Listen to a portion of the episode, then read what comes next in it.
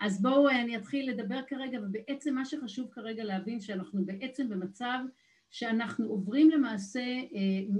לא, המצגת לא זזה לי פתאום, לא, היא זזה, אוקיי.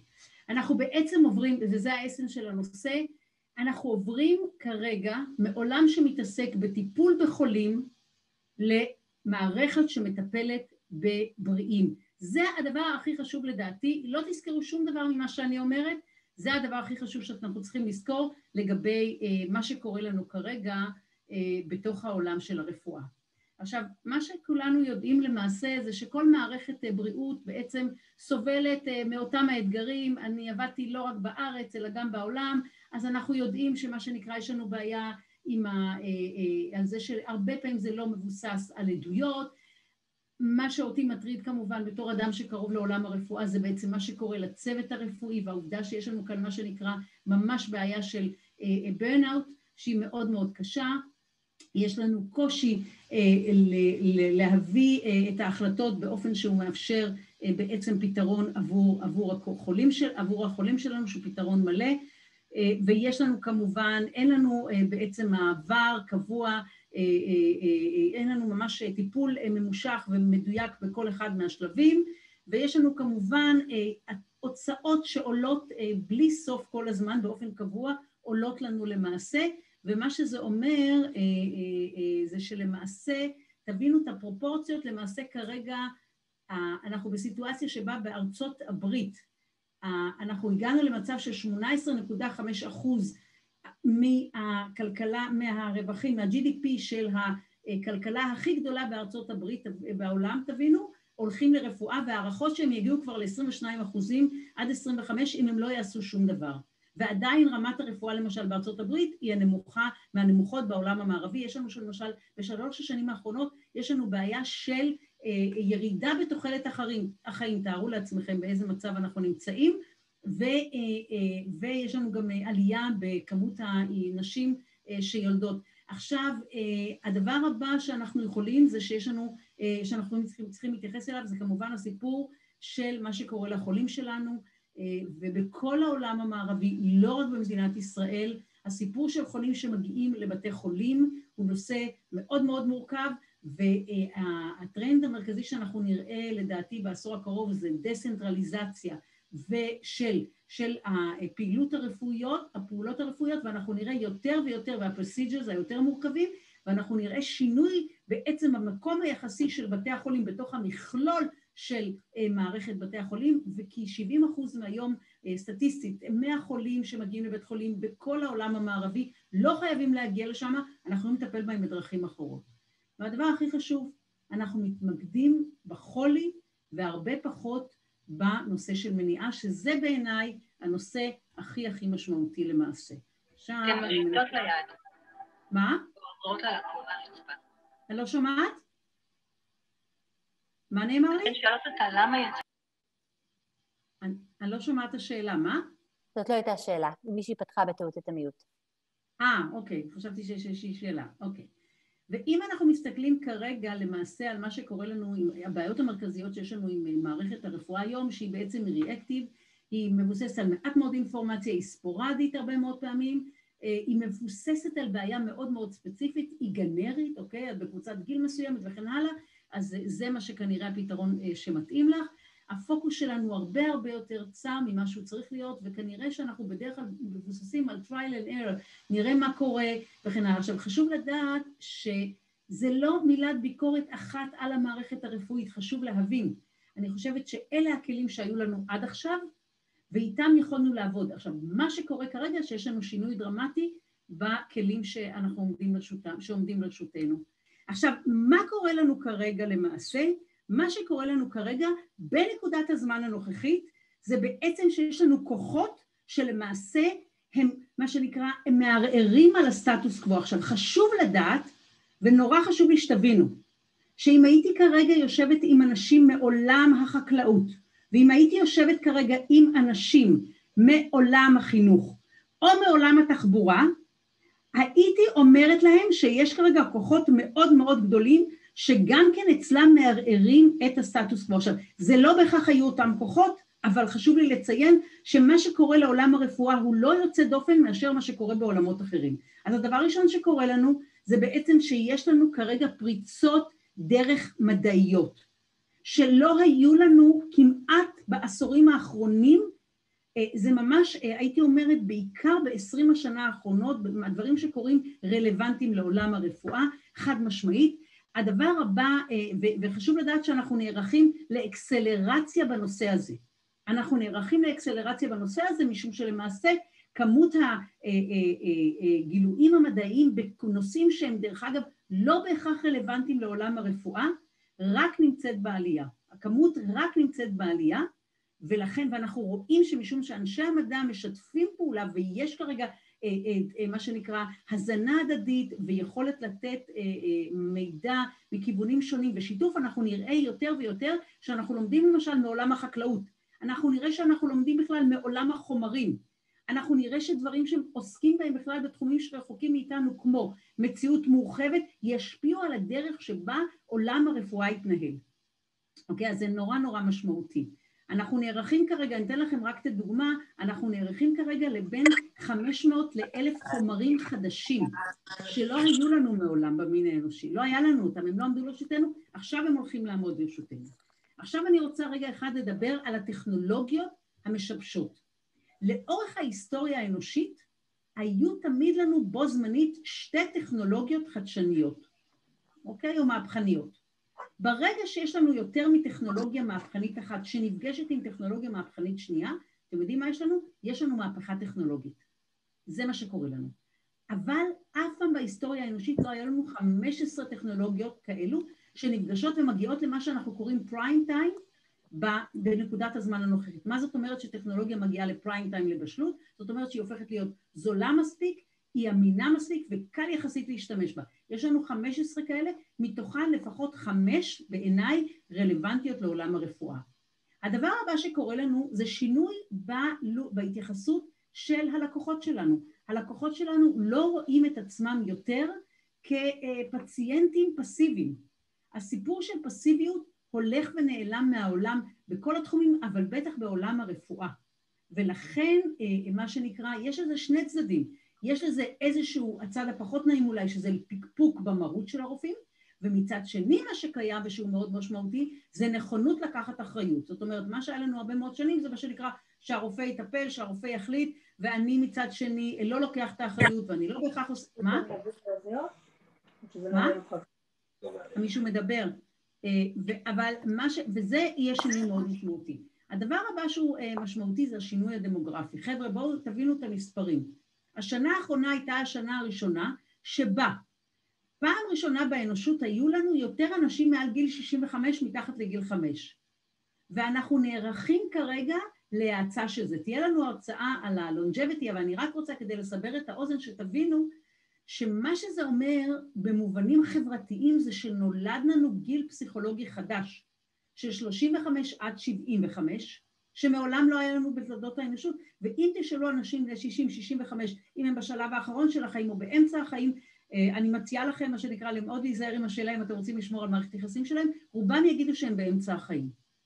עכשיו, זה אומר שמצד שני הפירמידה מתהפכת, שיש לנו פחות אנשים שיכולים לטפל בהם, שזו תהיה סוגיה מאוד מאוד משמעותית, ביפן אנחנו רואים כמובן את זה מגיע להקצנה, אנחנו יודעים כרגע שאנחנו צריכים 2.4 אה, ילדים לבית אב כדי לאפשר מה שנקרא טיפול נאות בדור ההמשך, אנחנו רואים שבחלק גדול מהעולם המערבי אין לנו את זה, אנחנו יודעים שבסין, דרך אגב, כרגע מדברים מה שנקרא על חומה סינית חדשה, הסינים מדברים על חומה סינית חדשה שהם קוראים לה the gray, the gray hair, אה, אה, אוקיי? והם אומרים, מדברים למעשה על זה שבעצם אין להם מספיק, כי שם בכלל יש בעיה, יש 1.2 ילדים במקרה הטוב לבית אב.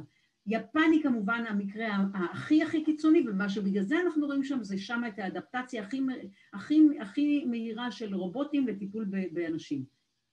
אז זה הדברים הראשונים שמשפיעים בעצם ומערערים את שיווי, את מה שנקרא, את הסטטוס קוו. הדבר השני זה climate change.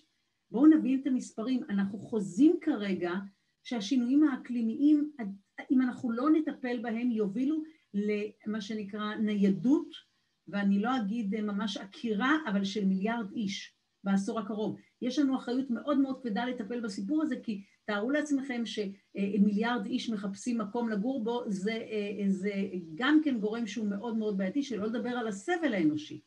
והצורך של הארגונים שלנו, אוקיי? אנחנו לא עומדים בעומס. אנחנו לא עומדים בעומס. אותי באופן אישי הכי הכי מטרידה כמובן השחיקה של הצוותים הרפואיים.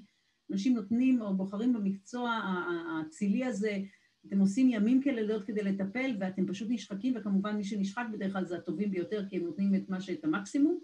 ויש לנו כאן מעורבות גם של, ה, גם של המערכות הרגולטוריות שמבינות שאי אפשר להמשיך להתנהל ככה.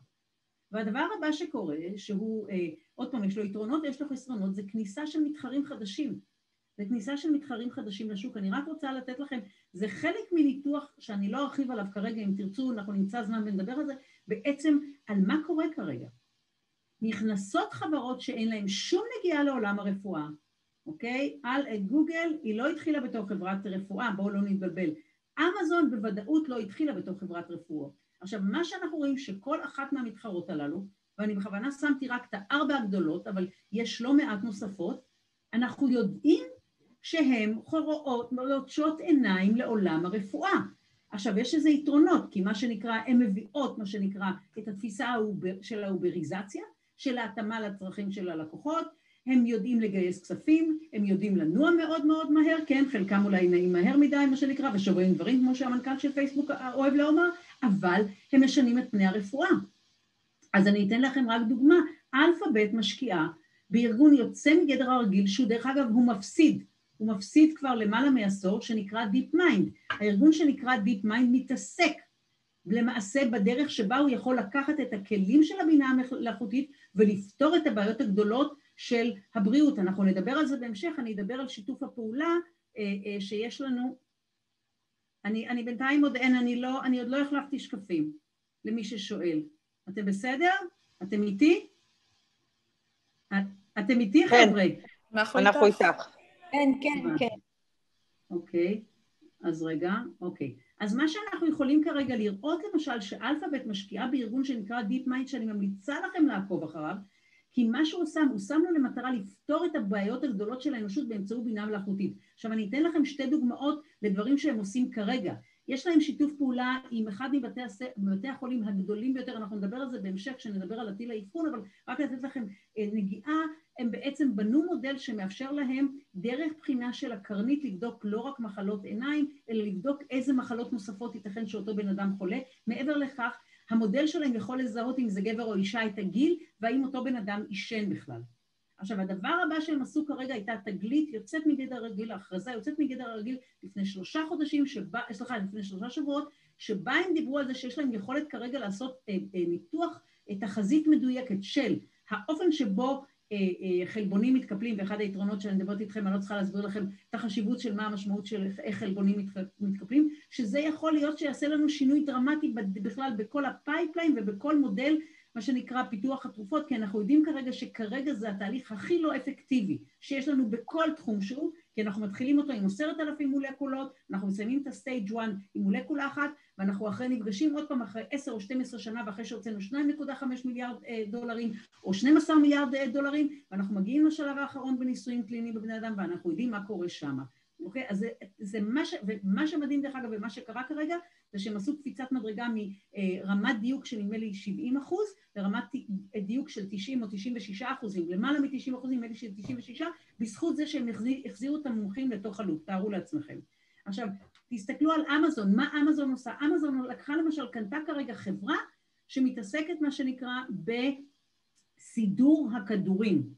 לפני שנה וחצי היא קנתה את החברה שכל מה שהיא עושה, היא מקבלת מהרופא או מהפציינט את, ה, את, ה, את הכדורים שלו ומסדרת לו פשוט בסודר באופן שבוע, ויותר מזה, הם על זה הוסיפו חיישן שמאותת להם האם הפציינט לוקח את הכדורים או לא. זאת אומרת, אנחנו פתאום מכניסים גורם שלישי לתוך הבית.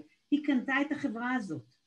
היא קנתה את החברה הזאת ובגללה היא מנסה כרגע להיכנס. כרגע, למשל, היא עושה שיתוף פעולה, למשל כרגע בנושא של ה-COVID-19, למשל של איך אני מביא הביתה את מה שאתה צריך וכן הלאה. אז אמזון חד משמעית נכנסת לנושא הזה, היא רואה בו הזדמנות עסקית מאוד מאוד גדולה. אפל, כששאלו את המנכ"ל של אפל לפני שנה, מה לדעתו הדבר שבגללו אפל תיזכר אי פעם באנושות, אתם יודעים מה, מה, מה הוא אמר? הוא אמר היא תיזכר בזכות השינוי שהיא עשתה בעולם הרפואה. עכשיו, איך היא נכנסת לעולם הרפואה? היא נכנסת דרך המודל של quantified self.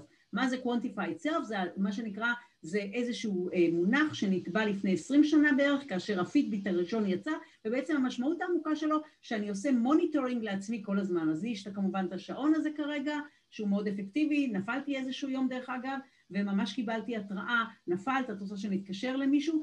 אה, יש לנו כמובן את, הת, את ה, את הטבעת, את, את ה Oura שמודדת כמובן את אה, רמת החמצן שלי בדם באופן עקבי ומדווחת לי אם חס וחלילה יש לי בעיה. אני דרך אגב לא חולה בשום דבר, אבל אני, מאוד חשוב לי להבין את התופעות האלה מקרוב, ומה שאנחנו רואים כרגע זה שלא אה, סתם, אלא שהם קיבלו אישור לפני עשרה חודשים מה-FDA לעשות, הם המכשיר היום הקליני לשימוש בניסויים קליניים, למשל אצל חולי סכרת.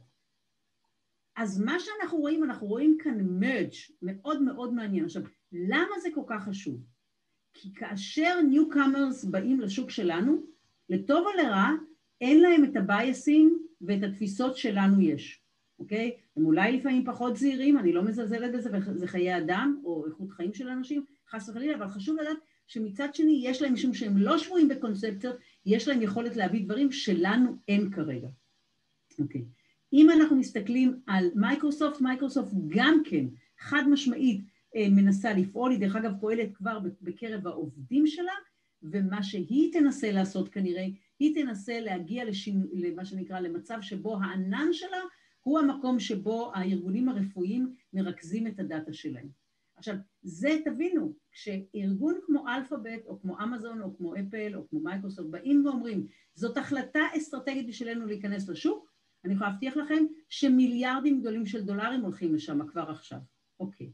עכשיו, מה שקורה לנו כאן, ואנחנו לא רואים בשקף את השקף הזה, אני אשלח לכם אותו, בעצם אני באה ואני אומרת לכם שמה שקורה לנו כרגע, יש לנו מפגש בין הצרכים שלנו ובין הקריאיטיביות האנושית, ואני רוצה לשים כאן עוד נקודה על גבי השולחן שאנחנו צריכים לקחת אותה בחשבון, זה שחל שינוי במה שנקרא במערך הגיאוגרפי שבו אנחנו חיים, ומה שאנחנו רואים כרגע, שלמעשה רוב האנשים עוברים לגור בערים.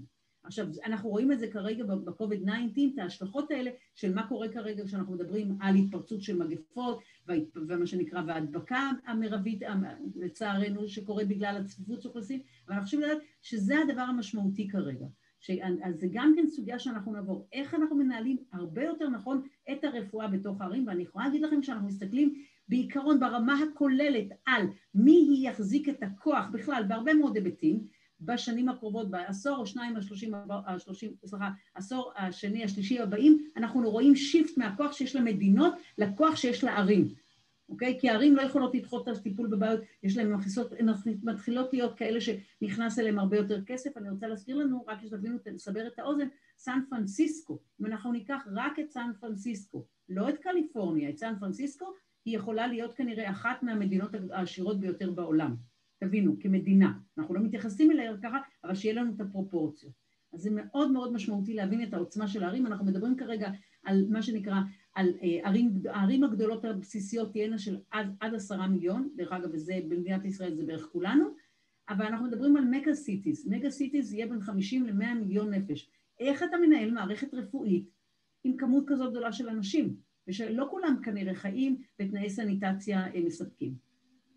אוקיי, אז בעצם מה שאני חושבת, אני חושבת שאנחנו צריכים כרגע לאמץ את ה-long view, וכשאני מדברת על ה-long view בהקשר שלנו, אני חושבת שאנחנו צריכים לדבר על כמה מטאפורות, והמטאפורה הראשונה זה בעצם ההיבט של ההיגיינה, ואני רוצה להזכיר לנו שגם אה, אה, אה, אה, מי שהיא יסדה את אה, מוסד האחיות, אה, כן, אה, בעצמה לא האמינה, דרך אגב, בחיידקים, היא נפטרה עם אלה בגיל 96 או בגיל 98, ורק בגיל 90 בערך היא הייתה מוכנה להודות שאולי יש כזה דבר שנקרא חיידקים, למרות שהיא הייתה הראשונה שהתעקשה שכל אחד ינקה, אה, אה, הרופאים ינקו את הידיים, אנחנו יודעים שעד זה, עד, עד לפני כן בעצם לא היה שום הקפדה על איזושהי היגיינה, אני חושבת שאנחנו צריכים להתייחס לזה כמו אה, אה, על ה, אה, מה שנקרא על IVF, אני רוצה להזכיר לנו שהפעמים הראשונות שבהם אה, אה, ילדים הגיעו לעולם הם הוגדרו כילדים אה, לא טבעיים, כילדים שיש בהם משהו לא תקין אולי, והייתה התנגדות ציבורית מאוד גדולה, בטח במוסדות הדתיים,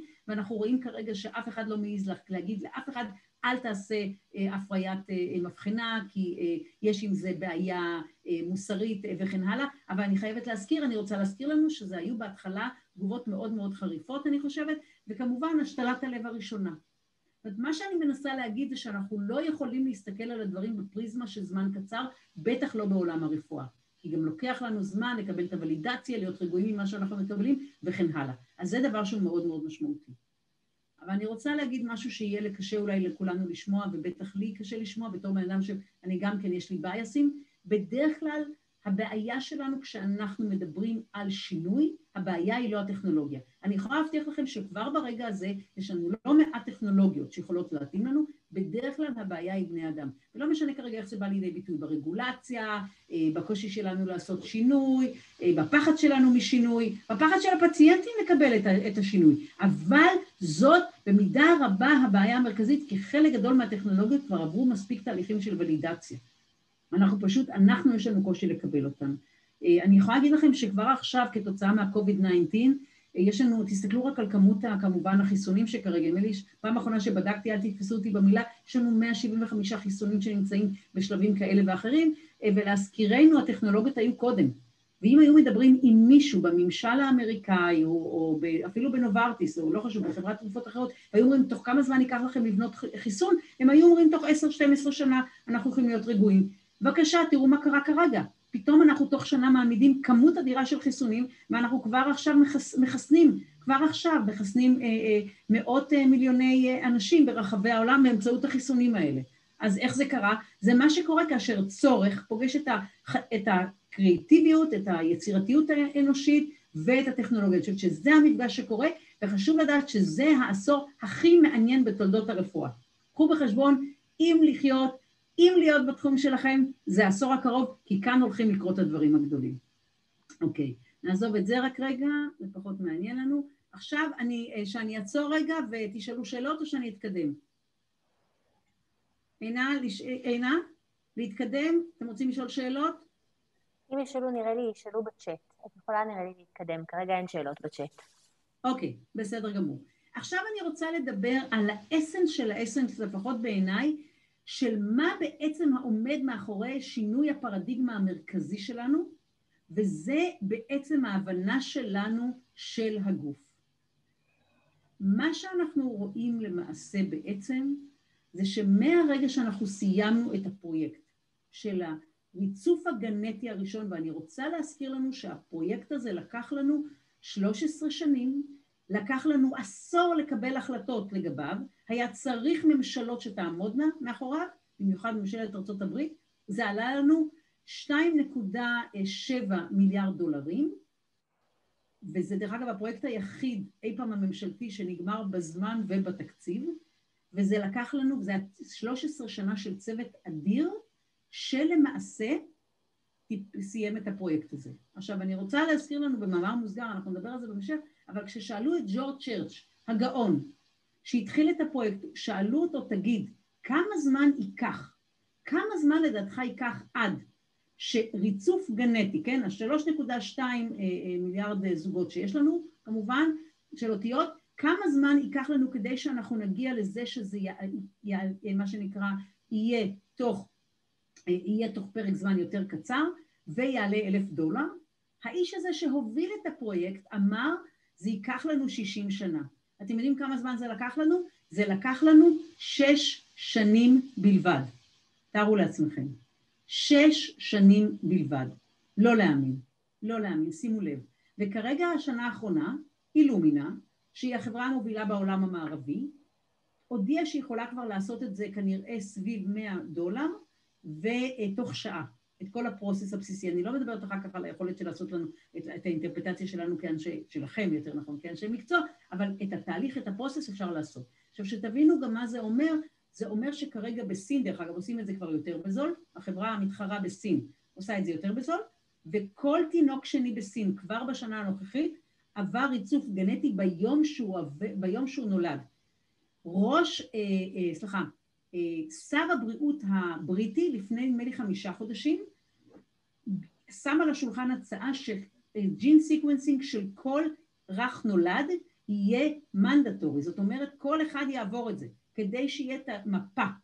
עכשיו, זה סיפור מאוד מאוד משמעותי, וזה אומר שאנחנו מתחילים להסתכל על הגוף, ואני בכוונה אומרת את זה, ובטח, וזה דרך אגב, לדעתי אחת הסיבות שחברות הטכנולוגיה מרגישות בנוח במידה רבה עם הכניסה שלהם לתחום, כי זו שפה שמוכרת להם ומובנת להם, הטרמינולוגיה, תפיסת העולם, הם מתחילים להסתכל על הגוף, אנחנו נראה את זה יותר ויותר כמו מערכת של חומרה ותוכנה.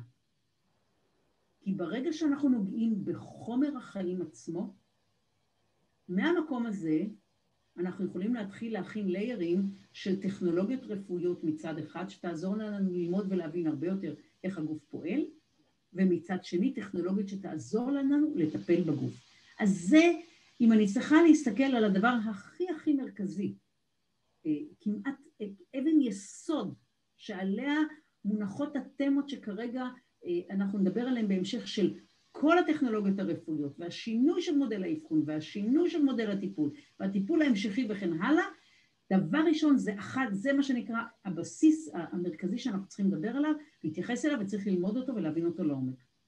הדבר השני שמתלווה לזה הוא תוצאה, אבל הוא לא רק, שבעצם כל בעיה, כל בעיה שיש לנו בגוף מתחילה חודשים ושנים קודם. היא לא מתחילה, מאוד נדיר, אני לא מדברת על אירוע אה, אה, אקוטי, מישהו כרגע עבר תאונת דרכים, כן, אז אין מה לעשות, זה קרה, ואנחנו מדברים על משהו שהוא פתאום, מה שנקרא, החולה מגיע, המטופל מגיע, הוא מתלונן, ואנחנו, לא אנחנו, אתם, שולחים אותו לבדיקות וכן הלאה, ומתחיל איזשהו תהליך של, של בחינה, אנחנו יודעים שזה מתחיל חודשים ושנים קודם. ואם זה מתחיל חודשים ושנים קודם, המשמעות העמוקה היא שלמעשה, אם אנחנו נצליח לזהות את זה בשלבים שזה עוד ב-T0 או ב-T1, אנחנו כנראה נוכל לטפל בזה באופן הרבה יותר טוב במקרה המינימלי, מאשר אם אנחנו מקבלים את זה ב stage 2, 3 וכן הלאה. וזה הדבר השני שהוא מאוד מאוד קריטי, והוא גם מתייחס לחצי השני שאני רוצה לדבר עליו, שזה כמובן הרפואה המונעת ולמה היא כל כך קריטית.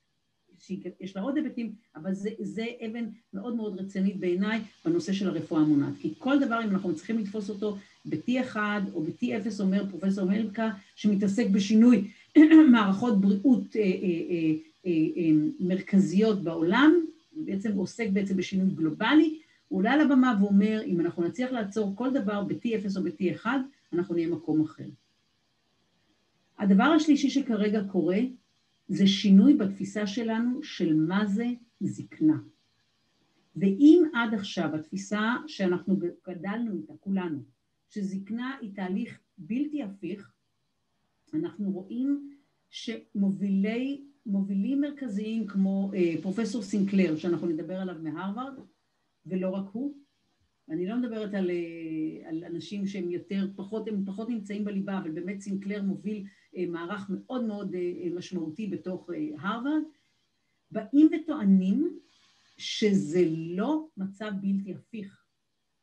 ואחת הטענות שזה מחלה, והשנייה באה ואומרת שזה בכלל סיטואציה של אובדן אינפורמציה אפיגנטית, ואנחנו יכולים לעשות איזה reverse engineering ולטפל בזה. אה, סליחה? אה, אוקיי, חשבתי ששאלו משהו, אוקיי?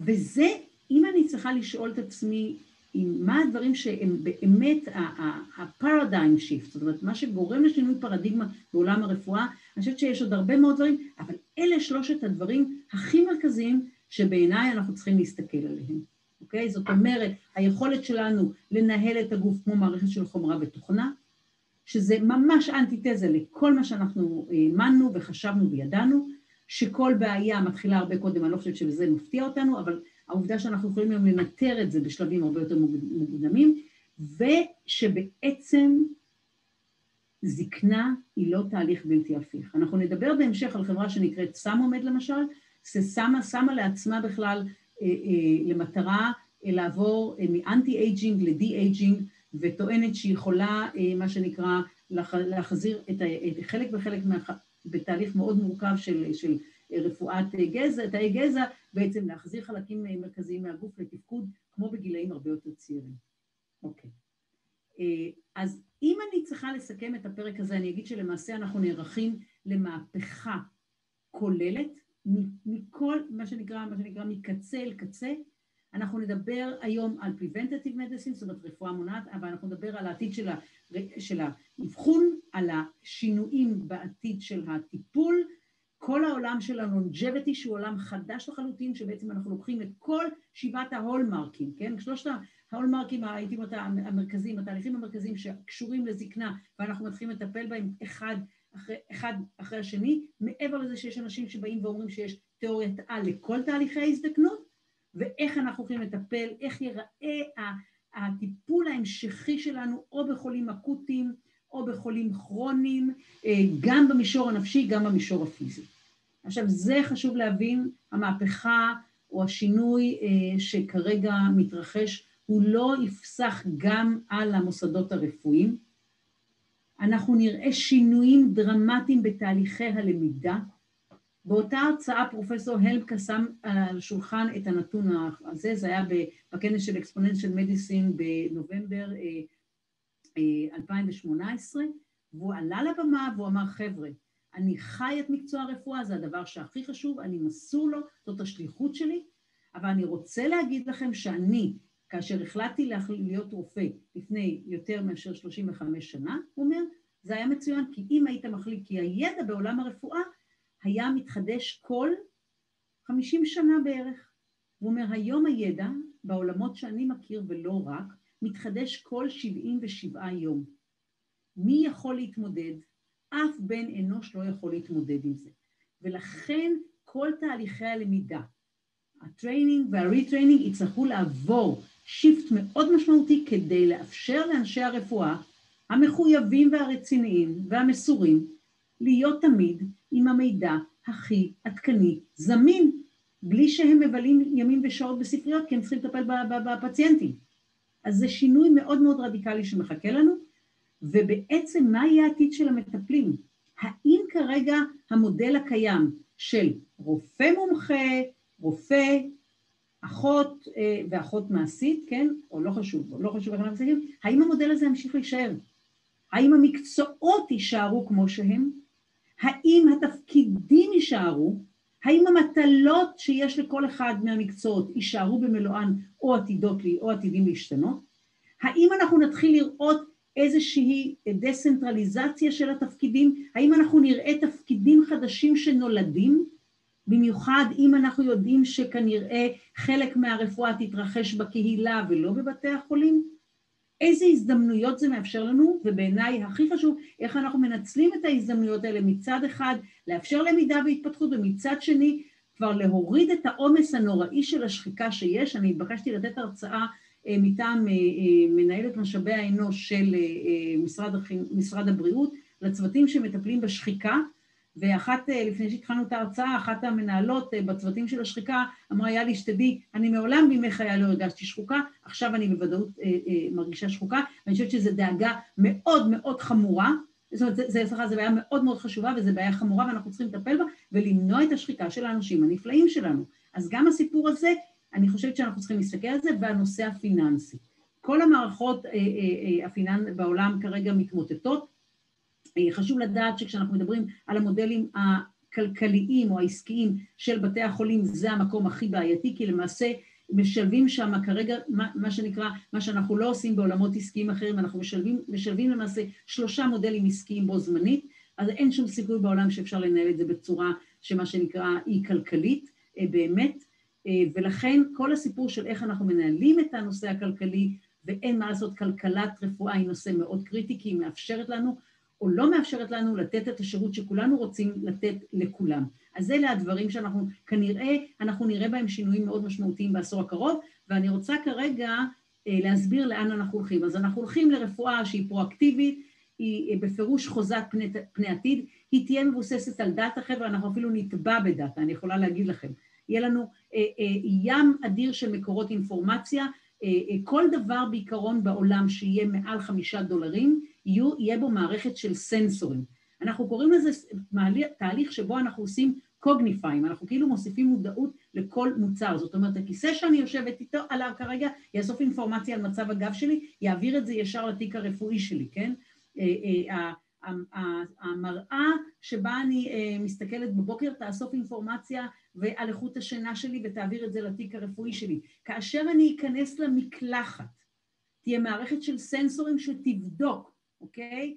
אם יש לי איזושהי בעיה בעור והאם אני צריכה להגיע לדרמטולוג מומחה, אוקיי? יהיה לי כנראה, יהיה לנו מערכת של מערך, יהיה לנו כנראה מערך מספרים, כרגע יש לנו רק את זה כמובן ללחץ דם וכן הלאה, יהיה לנו לבריאות המוח שלנו, אה, אה, אה, לבריאות המנטליות של, שלנו וכן הלאה, ויהיה לנו כל הזמן סקורינג שאנחנו באופן, גם אנחנו באופן מעשי וגם המערכת הרפואית כל הזמן תעקוב אחריה, ויהיה לנו עושר של data, יהיה לנו סוגיות מאוד כבדות של איך אנחנו מארגנים את ה data, איך אנחנו מנתחים אותה, והכי הכי חשוב, וזה דבר שאנחנו לא פחות, שאני חושבת שאנחנו נתאמן בו בכל התחומים ובטח גם בתחום הרפואי, זה מה השאלות הנכונות לשאול.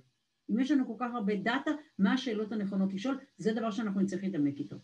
יהיה לרשותנו מערך מדעי אה, הרבה יותר רחב ממה שיש לנו, הכל יהיה שקוף מעצם העובדה שהכל נמצא באותו, באותו מאגר מידע, זה יהיה ongoing 24 שעות 7, זה לא שאנחנו אתם תצטרכו להיות ערים, אבל בעיקרון, וזה כמובן יהיה מכל מקום. אני כרגע, אה, בגלל הצוות הנפלא שלכם, מכינה לכם מחקר שולחן מיוחד רק עבורכם, על טלמדיסין עם כל, ה, עם כל הדברים החדשים שכרגע יש. אני אעביר לכם גם כמתנה את המחקר שולחן עצמו, ואנחנו מכינים לכם מצגת מיוחדת על מה קורה כרגע בעולם הטלמדיסין בעקבות ה-COVID-19 והעובדה שאנחנו חייבים לטפל במטופלים שלנו מרחוק, אז זה בעוד שתי הרצאות אנחנו נדבר על זה, אבל אין ספק שזה יהיה בכל מקום. חשוב לדעת שאצלנו זה משמעותי, אבל זה לא קריטי. באפריקה שבה יש לנו רופא לכל אה, מיליון איש, זה קריטי. זה חיי אדם שלעולם אנחנו לא נוכל לטפל בהם באופן אחר. אה, הפוקוס יהיה על המטופל, אבל חשוב להבין שזה יהיה פוקוס לא על הבעיה ולא עליו באופן ספציפי, על הנושא הספציפי שכרגע מעסיק אותו, אלא ראייה אה, אה, הוליסטית, תוך כדי קבלת החלטות יחד איתו, ותהיה התאמה אישית. הסיפור הזה של one size fits all, אם חס וחלילה יש לו למישהו בעיה של מחלה, לא נצליח, של סרטן, לא חשוב, זה סרטן ספציפי, ואנחנו כרגע נותנים לו את מה שבדרך כלל, אנחנו כמובן זה הולך, להשת... הולך לחלוטין להשתנות, ואנחנו הופכים למערכת שמה שנקרא יהיה customized לחלוטין. הדבר הבא שאנחנו הולכים אה, אה, לראות זה שבירה של ה silo. אה, מדבר על זה אחד המומחים הגדולים בעולם החדשנות, הוא מספר שיש לו חבר שבעצם יש לו מיגרנות, והוא בעצמו מנהל בית חולים בניו יורק, והוא, לא, והוא עובר ממומחה למומחה והוא לא מצליח למצוא פתרון, ואז הוא שומע שיש מרכז מיוחד לטיפול במיגרנות באיזשהו מקום רחוק, אני לא זוכרת, יוטה או אריזונה, והוא נוסע לשם והוא יושב במרכז החדר ויושבים סביבו כל המומחים מכל הסוגים, כל מומחה אפשרי, והם מתווכחים ביניהם, ואז אומרים לו, אנחנו רוצים לעשות לך עוד כמה בדיקות, ואנחנו אה, נדבר איתך עוד יומיים. הוא מגיע אחרי עוד יומיים, הם יושבים איתו וכולם ביחד ואומרים, הגענו למסקנה משותפת שהבעיה היא לא הבעיה ש... שחשבת שיש לך. זה אחרי שנים שהוא סובל מהבעיה. והוא מספר, והוא מנהל בית חולים, הוא אומר, אני הלכתי לכל אחד מהמומחים האלה לבד, אבל מעולם לא ישבתי עם כולם באותו החדר. עכשיו חשוב לדעת שהשבירה של הסיילו היא לא רק בעולם הרפואה, היא בכל העולמות שאני כרגע פועלת בהם ונמצאת בהם. כי אנחנו מאבדים כל כך הרבה, כל כך הרבה uh, value, ערך, בזה שאנחנו עובדים בסיילו, ובטח בעולם הרפואה, ואנחנו נצטרך לבנות מודלים חדשים של התנהלות, אוקיי? אז תהיה סימן שאלה מאוד משמעותי, מה המבנה הארגוני של בית חולים, מה המבנה הארגוני של קופת חולים, מה המבנה הארגוני של מה שנקרא הסניף שבו אנחנו מטפלים במטופלים שלנו. אין לי תשובות כרגע, אבל אני רק שמה את זה על השולחן. אנחנו נהיה באופן פרדוקסלי בהוזלה של מחירים, כי אנחנו כרגע בירידה אקספוננציאלית במחירים של חומרי הגלם, אה, ואנחנו נעבור למערכת שיהיה מבוססת על value-based payment. זאת אומרת, הטיפול לא יהיה, התשלום לא יהיה עבור, עבור הפעולה, הוא לא יהיה עבור הניתוח, הוא יהיה עבור הבריאות של מה שנקרא לצורך העניין, אם מישהו ניתח את הברך שלי, יהיה טיפול progress, יהיה לך תשלום פרוגרסיבי כנראה, יש כל מיני מודלים, אם יהיה לנו זמן, זה לא חלק ממה ששמנו על השולחן, אבל אני אשמח לדבר איתכם גם על זה, יש כל מיני מודלים, אבל בעיקרון הסיפור יהיה על ההצלחה של, של ה process, לא על ה process עצמו, ועל מה שנקרא על השמירה על הבריאות לאורך זמן, ויהיה אפילו מודלים של מה שנקרא פרוגרסיביים, שמה שנקרא ככל שהחולה יותר בריא, יותר לאורך זמן, הקופה תקבל יותר כסף. אנחנו מדברים על שוק פתוח, זה לא יעזור, אנחנו רואים כמות אדירה של מתחרים שכרגע נכנסת לשוק, אני לא יודעת אם יצא לכם לשמוע על מה שטסלה כרגע עושה, טסלה הפכה כרגע את בית החולים שלה בגרמניה, והפכה, הוא כבר לא בית, הוא כבר לא בית, אה, אה, הוא כבר לא מפעל ליצירת מכוניות, הוא כרגע מפעל ליצירת, אתם יודעים מה? מפעלים קטנים שבהם ניתן לייצר חיסונים וערכות. והיא בונה את זה יחד, היא בנתה, אה, היא בונה את זה כשיתוף פעולה עם חברת תרופות, ומתחילים לייצר מה שנקרא ננו, ננו, ננו בתי חרושת, שהם מייצאים אותם להודו ולזה. אז זאת אומרת, מי, מי המאמין? חברת רכבים בונה כרגע בעצם בית חרושת לחיסונים. איפה, איפה זה היה לנו בכלל? עכשיו, Open Innovation, אני כבר אומרת לכם, אנחנו נראה דברים מעולם הרפואה, אנחנו נראה מתורת החומרים, אנחנו נראה דברים שלא, שיחייבו אותנו אה, ללמוד איך לעשות רפואה אחרת, כי כאשר אנחנו למשל, לדוגמה, מגיעים כרגע לרפואת החלל, שזה מקרה קיצון, אנחנו שולחים אנשים לחלל, הם צריכים לטוס למאדים שלוש שנים, יש איזה השלכות כבדות, אנחנו יודעים, על מסת השריר שלהם, על תפקוד הלם שלהם, על החשיבה, על הקוגניציה שלהם. אנחנו יודעים כבר שאסטרונאוטים שחלו, ששהו, סליחה, בתחנות, תחנות החלל בחו"ל, הם חוזרים והם נראים אחרת. יש לנו ניסוי מאוד מעניין רפואי שנעשה עם שני אחים תאומים אסטרונאוטים, אחד נשאר והשני נסע, והיה מעקב מאוד מדויק, הם ממש identical ויש להם אותו קוד גנטי וכן הלאה, ונבדקו ההבדלים, ולקח הרבה מאוד זמן להחזיר את אותו, את האסטרונאוט שיצא, נסע, להחזיר אותו חזרה לתוך, לתוך, למה שנקרא, לרמה שהוא היה בה לפני שהוא, נדמה לי שהיה שנתיים של מה שנקרא, עד שהוא גם השלים את השיקום. עכשיו, מה קורה כשאנחנו לומדים לעשות את זה שמה? איך זה משפיע על מה שאנחנו עושים כאן? אז הנושא של חדשנות תבוא ממקורות, אני יכולה להבטיח לכם, לא צפויים בכלל. לא צפויים. עכשיו, זה מה שקורה לנו תמיד. עכשיו, הדבר הבא זה שאנחנו נראה יותר ויותר שיתופי פעולה בין האדם והמכונה. שואלים אותי לא מעט איזה מקצועות הולכים להיעלם, והאם לא יצטרכו רופאים, והאם לא יצטרכו רדיולוגים, חס וחלילה. אבל הרדיולוגים היקרים שלנו, שמבלים כל כך הרבה שעות ולנסות לפענח, כרגע אנחנו יודעים שבינה מלאכותית יודעת לעשות את זה הרבה יותר טוב, ובהרבה פחות זמן, והרבה יותר יעיל, והרבה יותר זול, והיא לא מתעייפת, והיא יכולה לעבוד 24 שעות ביממה. אז אנחנו נעשה מיקור חוץ לא של תפקיד הרופא, חשוב להבין, בשום פנים ואופן, אבל אנחנו כן נעשה מיקור חוץ של מטלות שהן משעממות, חוזרות על עצמם, לא במקרה של עולם הרפואה, אבל במקרה של עולמות אחרים, אני יכולה להגיד לכם, גם של הדברים המסוכנים. ומה זה יאפשר? זה יאפשר לרדיולוגים לנצל את הידע שלהם ואת האמפתיה שלהם ללקוחות ולמטופלים כדי להיות מעורבים בתהליך הטיפול, בבניית אסטרטגיית הטיפול. כל הידע שהם רכשו יוכל לקבל ביטוי אחר. ולכן, אם מישהו אומר לכם שלא יצטרכו רופאים או לא יצטרכו אחיות, זה חוסר הבנה, אה, בעיניי לפחות, מה, מה הטכנולוגיה מאפשרת לנו ומה התפקיד שלה, והתפקיד של הטכנולוגיה זה לא להחליף את האנשים, אלא לאפשר לכולנו להיות אנשי מקצוע הרבה יותר טובים, ואם יתאפשר גם בני אדם יותר טובים, לא יזיק לנו גם כן. אבל זה הדבר, אני חושבת שחשוב להבין שזה מה שזה עתיד לאפשר לנו. אפשר הבא... אה, שאלה? אז אני רק אגמור את השקף, בסדר? ש... אה, בסדר, אני רק אגמור את שני דברים, זה בסדר? מקובל עליך? כן, אין בעיה. כן? סליחה, אוקיי. הדבר הבא זה שתבינו שאנחנו נערכים להאצה של ההאצה. אם אתם כרגע מדברים עם אנשים, אני בטוחה שאתם שומעים את התחושה של הבלבול. ואחת הסיבות שכולם מרגישים כרגע חוסר, חוסר, חוסר איזון, אה, בלבול, אה, דיסאוריינטציה כזאת, היא בגלל שאנחנו כרגע חווים בקורונה מה שאנחנו קוראים templosion. templosion, המשמעות שלו זה, זה מונח מקצועי מהעולם שלי, שבעצם אומר שהזמן מתקפל בתוך עצמו, ולמעשה אנחנו, אנחנו לא בנויים לזה. אנחנו כמו, תחשבו, כמו באיזה, אה, אה, אה, נו, אה, ב, ב, בלונה פארק, באיזושהי רכבת הרים. עכשיו, ההתקדמות עתידה להיות מאוד מאוד מהירה. מאוד מאוד מאוד מהירה, כמעט בכל דבר.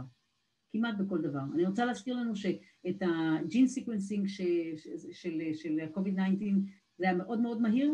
אני רוצה להזכיר לנו שמודרנה, אם אני לא טועה, אם שמעתי אותו נכון, תוך שבועיים שמה כבר את ה blueprint לאיך היא בונה את, ה, את החיסון, בלי שהיא ראתה פעם אחת. היא קיבלה רק העתק דיגיטלי, פענוח דיגיטלי, אוקיי? וכרגע יש לנו את החיסונים, זה רק דוגמה. אני יכולה להבטיח לכם שהרבה מאוד דברים מצוינים קורים כרגע כבר, ויהיה לנו דסנטרליזציה של הכוח. עכשיו, זה דבר שיהיה בכל מקום, אבל גם, גם אצלנו. כי מה שזה אומר, כי אנחנו נכנסים למערכת שתהיה הרבה יותר ספורדית, הכוח, מה שנקרא, הטיפולים יהיו בכל מקום, בכל שעה, וזה אומר שהכוח לא יוכל להיות יותר מוחזק במרכז. דבר ראשון, כי אנחנו נצטרך לתת את הכוח לקצוות, למי שיהיה מול הפציינט באותו רגע, כדי לתת לו את הפתרון. עכשיו, חשוב להבין שיהיה עוד סיבה למה אה, אנחנו נעשה דצנטרליזציה של הכוח בכלל, כי מה שיקרה כרגע בסביבה שמשתנה בכזאת מהירות, וכשיש לנו אקסלרציה גם של הפתרונות, מי שישרוד ומי שיתקדם בכלל בעולם, זה אותם ארגונים שילמדו מאוד מאוד מהר. עכשיו, אם אנחנו לא ניתן כוח למי שנמצא בקצה, הוא לא יוכל ללמוד. ואנחנו צריכים ללמוד כל הזמן, אנחנו רוצים לחשוב מאוד מאוד מהיר. אז זה ככה in a nutshell, מה שהולך לקרות לנו בעולם הרפואה, אה, מכל מה שכרגע אנחנו לומדים מהעולם. עכשיו, בבקשה, שאלה. כן. או שאלות, אין בעיה. כן. כן, רציתי לשאול לגבי מקודם מה שאמרת על... מה אה, שלומך? אתה נראה כל כך עייף.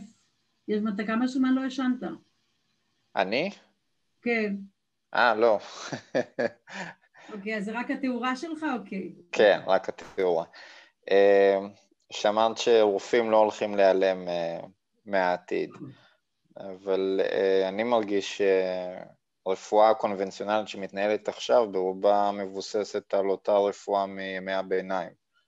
מישהו יש לו איזושהי בעיה, איזושהי תלונה, הוא מגיע לרופא, ומפה זה כבר מבוסס על אה, מזל ומקריות. אם במקרה הרופא ישן כמו שצריך בלילה שלפני, והיה מספיק מרוכז, או שבמקרה הוא שמע את ההרצאה הרלוונטית מתישהו בבית ספר לרפואה, או שבמקרה נתקל במקרה דומה עם אותן תלונות, אז יש סיכוי סביר שהוא יגיע להבחנה הנכונה. יש כל כך הרבה ענייני מקריות ומזל בעניין הזה, שאני לא מצליח להבין אם כל הבינה המלאכותית והטכנולוגיות החדשות שמסוגלות לפענח אה, ולאבחן במדויק, למה עדיין יצטרכו רופאים. כמו שאמרתי, שלצערי אה, הטכנולוגיות קיימות ובדרך כלל אה, המגבלה היא מגבלה אנושית. אנחנו, קשה לנו לאמץ טכנולוגיות. הבעיה היא של, שלנו כבני אדם, אה, ויש לנו בעיקרון, לנו כבני אדם יש מערכת מאוד מורכבת עם טכנולוגיה. אנחנו, אנחנו מאוד אמביוולנטים. אנחנו, אנחנו יוצרים את הטכנולוגיה ואחר כך אנחנו מרגישים שאנחנו תלויים בה וכן הלאה. ואני אתן לך עכשיו ציטטה ותגיד לי מי לדעתך אמר אותה, והציטטה הולכת ככה. עכשיו, כשיש את הטכנולוגיה הזאת, בני הנוער יפסיקו אה, לזכור, והמוח שלהם לא יהיה מסוגל אה, להכיל שום מידע ולא לתחזק אותו. הרולד, יש לך הערכה מי אמר את זה ומתי? אפלטון אמר את זה. אפלטון אוקיי. אמר את זה. הוא אמר את זה על הכתב. עכשיו, עכשיו, כרגע אנחנו עדיין, אני מסכימה, אני מסכימה איתך לצערי, שאנחנו חיים במערכת רפואית שלא, שרחוקה מלמצות את היכולות שלה. ואני רוצה להגיד לך שמה שמשמח אותי, זה למשל זה מפגש כזה. כי אני יכולה להגיד לך בוודאות שלפני שנתיים, שלוש וארבע, לעולם לא היו מזמינים אותי, והיה לי ידע לא פחות על עולם הרפואה. כי אני חושבת שכרגע, אני חושבת שמה שטוב ב-COVID-19, שהוא משנה פרדיגמה. אנשים מבינים שהעולם משתנה. ומי שלא ישתנה כנראה לא ישרוד. עכשיו לגבי בתי החולים, אם יתאפשר לנו אני אשמח לדבר איתכם על זה, אבל ההערכות שאני לפחות חיה איתן זה שרוב הרפ... רוב, רוב המטופלים לא יגיעו לבתי החולים. אנחנו יודעים שהנתונים לגבי בתי החולים הם מאוד מאוד לא חיוביים, יש לנו נתונים על כמה, כמות האנשים בעולם המערבי, אני לא מדברת על ישראל, על כמות האנשים שנפטרים אה, אה, כתוצאה מזה שהם חטפו זיהומים שהם לא צריכים, כמות האנשים שנפטרים בגלל שיש להם אה, אה, טעות באבחון, וכן הלאה וכן הלאה. אז, אה, אז דבר ראשון, אני חושבת שעצם זה כרגע, יש כאן כרגע אה, סיטואציה של חוסר איזון בכלל, הייתי אומרת מערכתי, כן, של הריכוז הזה בבתי החולים, אני חושבת שזה, אה, וכשאין באמת הצדקה, אני חושבת שעצם זה שהרפואה תעבור לקהילה, ובתי החולים ישנו את המודל בכלל, יש כמה מודלים אפשריים לבתי החולים, אני, אם תרצה מתישהו נמצא זמן לדבר על זה, אבל מעבר לכך, אני חושבת שמה שקורה כרגע זה שאנחנו רואים שאנשים לוקחים יותר אחריות על הרפואה שלהם.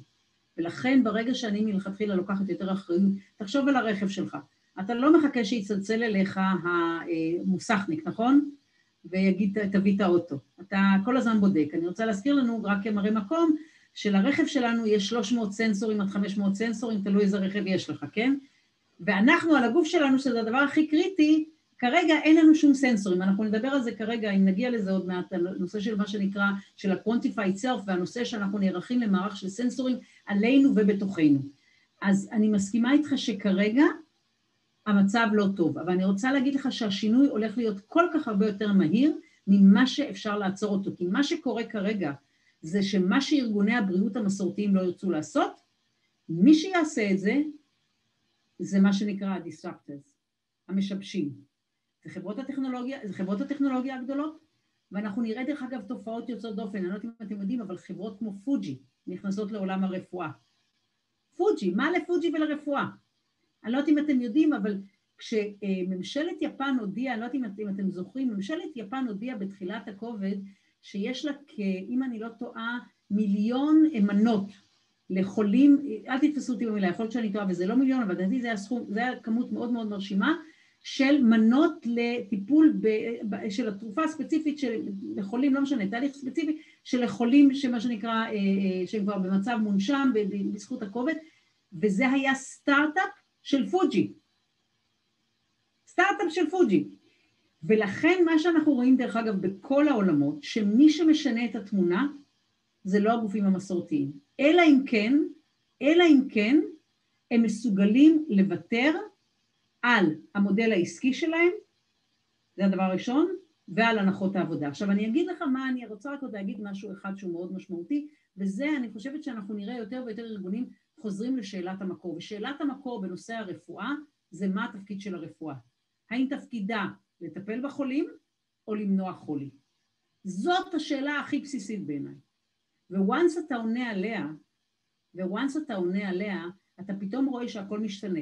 כי אם יש לנו למשל כרגע את הליגוויד ביופסי, נכון? אנחנו מכירים את הנושא, אתה מכיר את הנושא שלי, של אה, אה, ביופס, נו, אה, ביופס, ביופסה נוזלית, אתה מכיר את זה? לא. יש לנו היום יכולת, בתהליך פשוט יחסית, על ידי טיפת דם אחת, אה, אה, לדעת אם חס וחלילה מישהו, ואתה מזהה מרקרים הרבה לפני כל דבר דרך אגב, לפני כל תהליך אחר, אה, אה, אתה יכול לבדוק אם חס וחלילה, דרך אגב, מישהו שהוא ניצול סרטן, עבר survivor, אם, אם זה חזר לו, כן? עכשיו תחשוב רק על הנקודה הספציפית הזאת, שמה אתה עושה אם אתה בונה לך מערכת שבה כל מי שאי פעם היה חולה סרטן, במקום לחכות לבדיקה השנתית הנוראית הזאת, ושאנחנו לא יודעים מה יהיה, לא ישנים חודש לפני, לא ישנים חודש אחרי, עד שמקבלים, מקבלים קצת, ואז מקבלים איזושהי הערכה, זה צריך שיש לך מנוי שכל חודש או כל שבוע, לא משנה, לפי מה שאתה רוצה, אתה עושה בדיקת דם כזאת. ואתה מזהה את זה ב-T0 או ב-T1. ולכן השינוי הגדול שהולך לקרות כרגע, זה שאנחנו נהפוך ממערכת שהיא מה שנקרא, שמטפלת בחולים למערכת, למערכת שמונעת חול, שמטפלת בבריאים. אז זה a nutshell, זאת אומרת, אני מבינה את התסכול שלך, ומשום שאתה צעיר יחסית נראה לי, אני יכולה להבטיח לך שכשאם יצא לנו לדבר בעוד עשור, אתה תראה שהרפואה היא לא באותו מקום. אנחנו בדיוק, אני אומרת לך בשיא הכנות, אנחנו כרגע בדיוק על כף פרשת המים. זה עכשיו קורה. אתה עוד לא רואה את זה, אבל אני יכולה להגיד לך בתור אדם שמבלה ארבע שעות ביום בלמידה, ומתוכם שעתיים לפחות בעולם הרפואה, כי הוא יקר לליבי, אני רואה את זה קורה כבר. אנחנו עוד לא רואים את זה. זה ברור לי שזה הולך להשתנות. התהייה שלי זה אם אני הולך להגיע לגיל הפנסיה עדיין בתור רופא, שעדיין תהיה לי עבודה. אה, חד כי... משמעית תהיה לך עבודה. הבינה המלאכותית לא תחליף אותך, נהפוך הוא. היא תשחרר אותך מהמטלות שאתה לא צריך, אתה תתייעץ איתה, היא תהיה פרטנרית שלך. אין דאגה. אני אומרת לכם, חבר'ה, לכולכם, מקצוע הרפואה לא יעבור מהעולם, ולעולם לא יהיה הוצאה של המרכיב האנושי, כי אנחנו צריכים ראייה הוליסטית, אוקיי? הרי מה שמעניין, לצורך הבינה, הבינה המלאכותית נותנת לנו אינפורמציה מה, מה המחלה שיש לצורך העניין, אוקיי? ואפילו היא אומרת לנו מה prediction אם אנחנו נעשה, עדיין היא לא יודעת לקחת בחשבון 360 מעלות, מה הגיל של המטופל, האם יש לו מערכת תמיכה נפשית, כן? האם יש לו יכולת כלכלית, איפה הוא גר בארץ, מה מתאים לקוד הגנטי של המשפחה שלו וכן הלאה וכן הלאה. היא לא תוכל לעשות את זה, היא תוכל, היא תהיה כלי עזר מצוין, אבל אנחנו נצטרך להגדיר על לטפל באסטרטגיה של הטיפול, זה דבר ראשון. והדבר שני, אני רוצה להזכיר לך, הרוד, שאנחנו מטפלים באנשים ולא במכונות.